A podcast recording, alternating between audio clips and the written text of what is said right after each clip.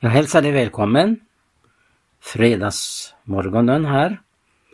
Jag heter Tage Johansson och jag vill eh, påminna om den heliga Andes verk i en människas liv.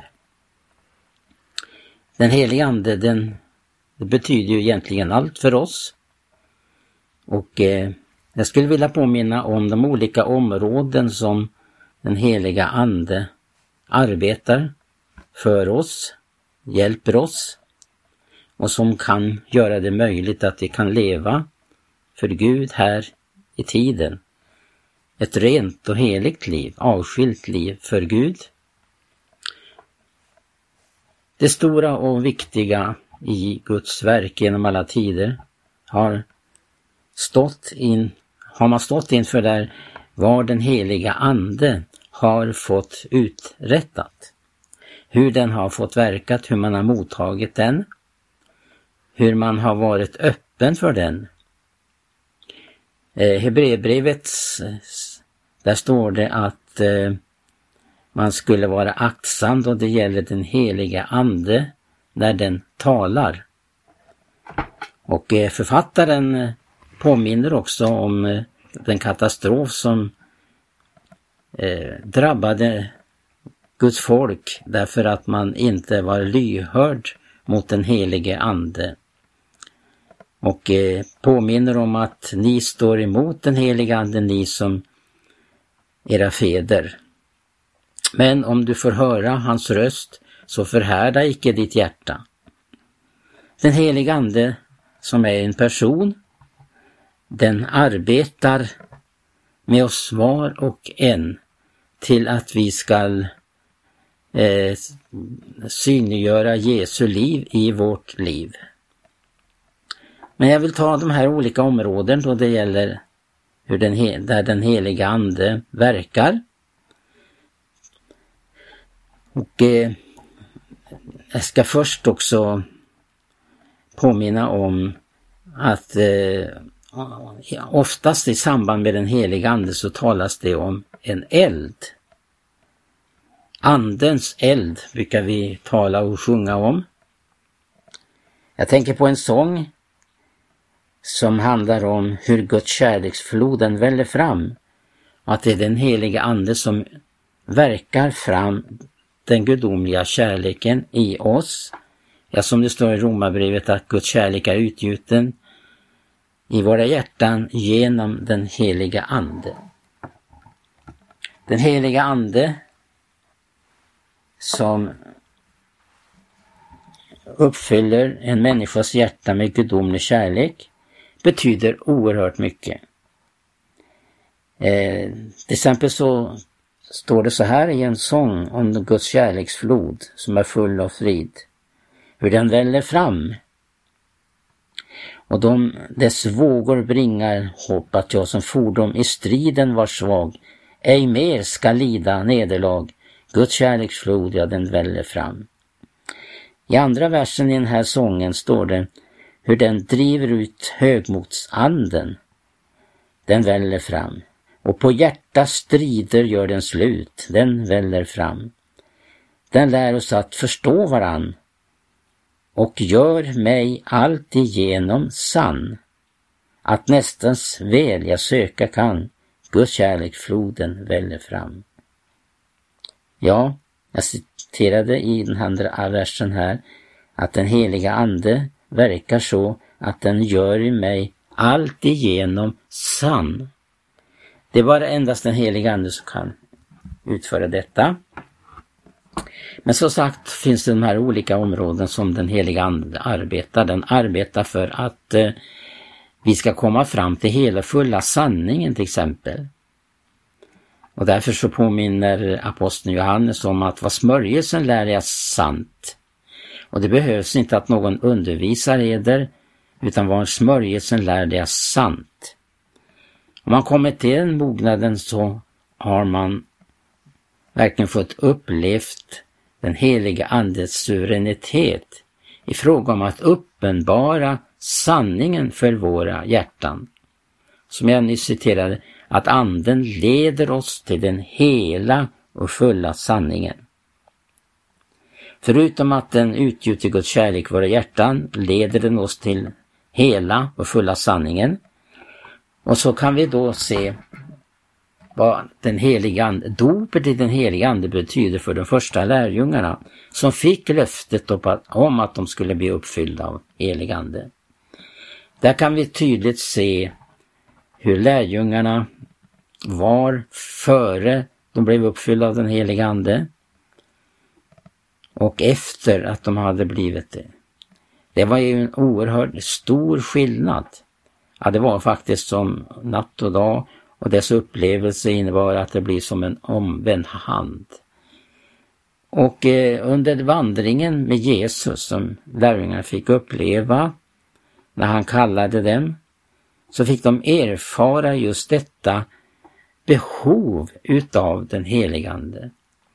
Vi har ett oerhört behov, vi är väldigt beroende av den heligande. Att vara ledd av den heligande.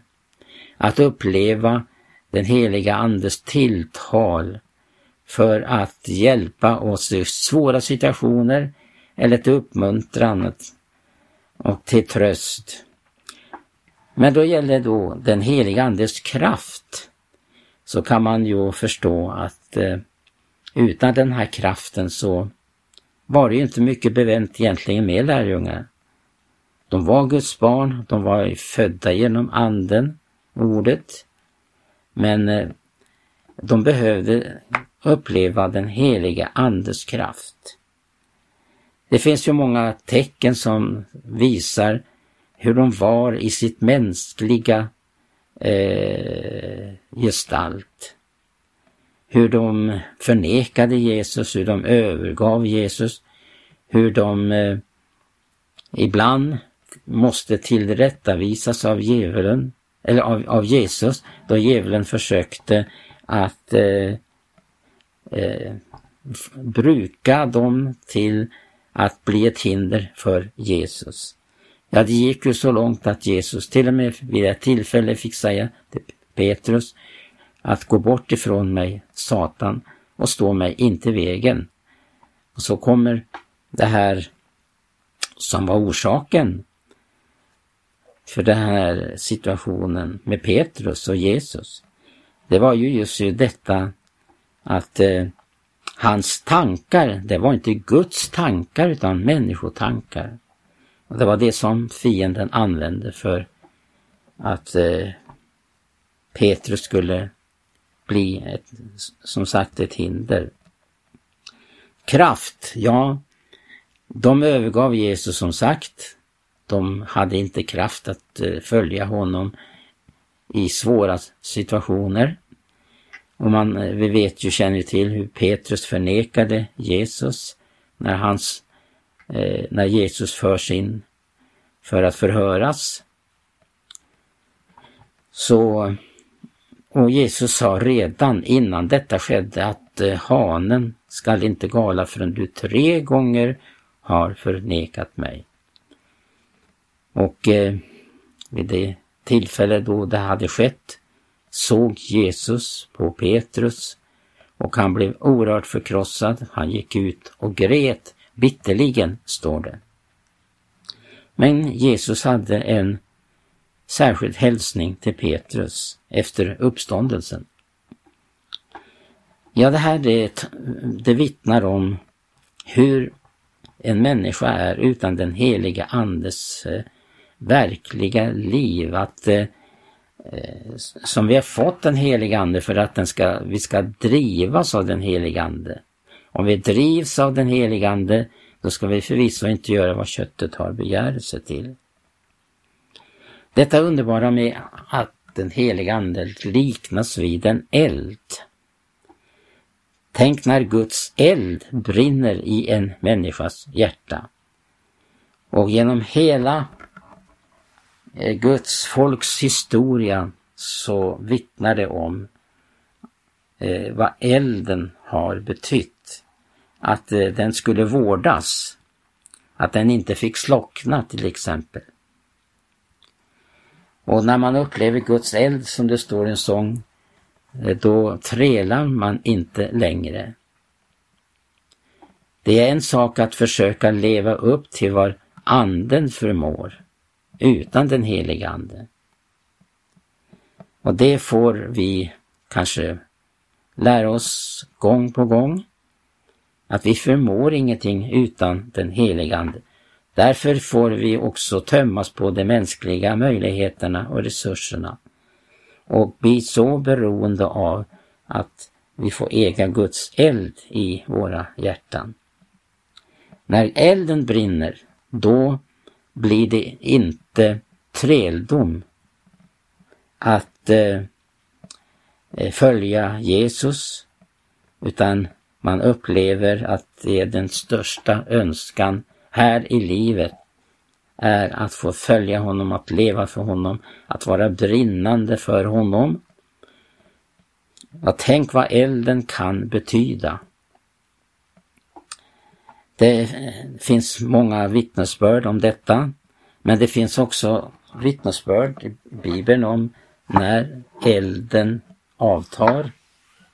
Jag tänker på Efesierförsamlingen som jag nämnt vid flera tillfällen här den sista tiden i närradioprogrammen så är det ju ett tydligt exempel vad, det, vad som sker när elden inte är eh, det som präglar våra liv. Gör åter sådana gärningar. Det finns ingen möjlighet att göra de gärningar som vi kan göra genom den heliga Ande utan den heliga Ande. Och därför så talar Jesus till församlingen om att de behöver uppleva omvändelse på denna punkt för att åter göra de gärningar som de gjorde under sin första tid. Jag tänker också vad den heliga Andes nådegåvor betyder i församlingslivet. Jag kom att eh, få veta om den eh, broder och predikant som döpte mig till Kristus 1958. Vad han hade för vittnesbörd om vad Andens eld betydde i pingstväckelsens början och vad nådegåvorna betydde för församlingen. Han upplevde själv, denna predikant, som redan var då gammal på 50-talet men som blev frälst i pingstväckelsens begynnelse som ung grabb. Och han upplevde hur en av bröderna i ledningen hade den gåvan att han ägde andens uppenbarelse så att eh, han kunde se rakt igenom människor. Ingen kunde dölja någonting för honom. Det är ju en oerhört eh, viktig nådegåva som ska vara i bruk för att det ska bli då till hjälp. Det är ju väldigt viktigt att uppleva den heliga Ande inte tränger sig på men som eh, använder den som har ett själavårdande och hederssinne och som verkligen känner för dem som eh, Gud har ställt i hans händer för att vårda och leda och hjälpa. Så den eh, som, som jag nu nämner om, när han som ung grabb kom då till församlingen och upplevde detta hur allvarligt det var, hur han kom till mötena, att allting var klart mellan honom och Gud och människorna när han kom till mötet, att allt var klart. Och han tränade en bönestund innan han gick till mötena för att eh, det inte skulle finnas någonting. Med tanke på att eh, det, kunde inte hållas gömt utan det blev uppenbart avslöjat. Men har man då själavårdande sinne så kommer det här till en oerhörd nytta. Andens gåvor som ska vara bruk i församlingen. Jag tänker också på den heliga Andens betydelse vad gäller vår helgelse. Ingen förmår att helga sig själv utan den helige Andes hjälp. Men med den helige Andes hjälp så förmår vi uppleva vad sann helgelse är, som naturligtvis är så oerhört viktig.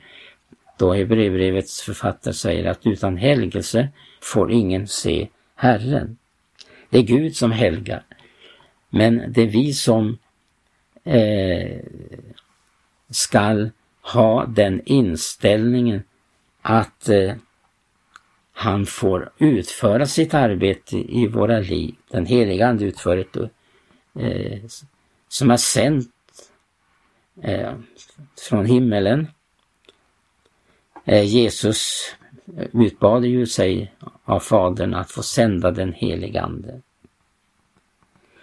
Och den heliga Ande den verkar i våra hjärtan, den i sinnen, våra tankar. Att vi har rena tankar exempelvis. Att vi upplever att eh, den verkar förkrosselse och ödmjukhet.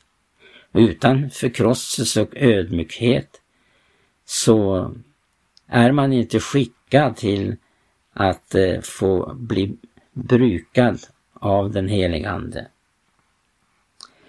Så vill jag särskilt också med tanke på församlingen.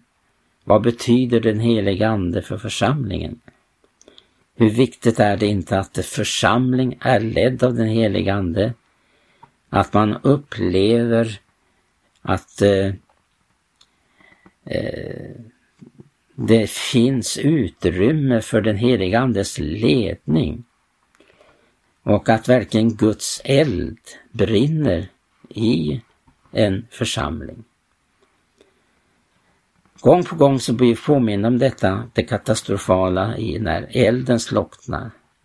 Inte bara hos den enskilde då, men också i församlingen. Att man inte har vårdats just om att ge näring till elden. Prästen får ju det till sig. Det, det viktiga uppmaningen att se till elden alltid finns brinnande på altaret. Och den måste alltid var morgon åt, äh, förses med bränsle.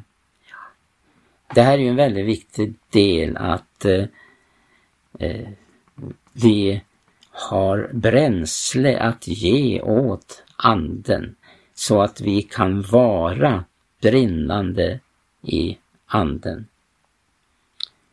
Och där är ju frågan om att Guds ord får den plats den ska ha i vårt liv. Att eh, vi eh, vårdar just om var skriften lär. Och att eh, vi äger Guds ord i våra hjärtan. Ja, det står ju det i psalm 119 om att, att eh, vittna, vikten att ta vara på Guds ord. Och gör man det för, och orsaken är bland annat för att jag inte ska synda mot Gud. När ordet får äga makt och auktoritet i mitt liv, då har den helige Ande stora möjligheter att utföra sitt verk. Hela Bibeln talar ju om att eh, hur människor blev uppfyllda av den heligande, ledda av den heligande. Att vi är helt beroende av den heliga Andes ledning för vårt liv. Hur viktigt det är att eh, för den som står i livets början verkligen väljer rätt väg och att eh, man ser till att den heliga Ande får uppenbara vad Gud vill. Den heliga Ande kommer ju alltid med tröst och förmaning och vägledning.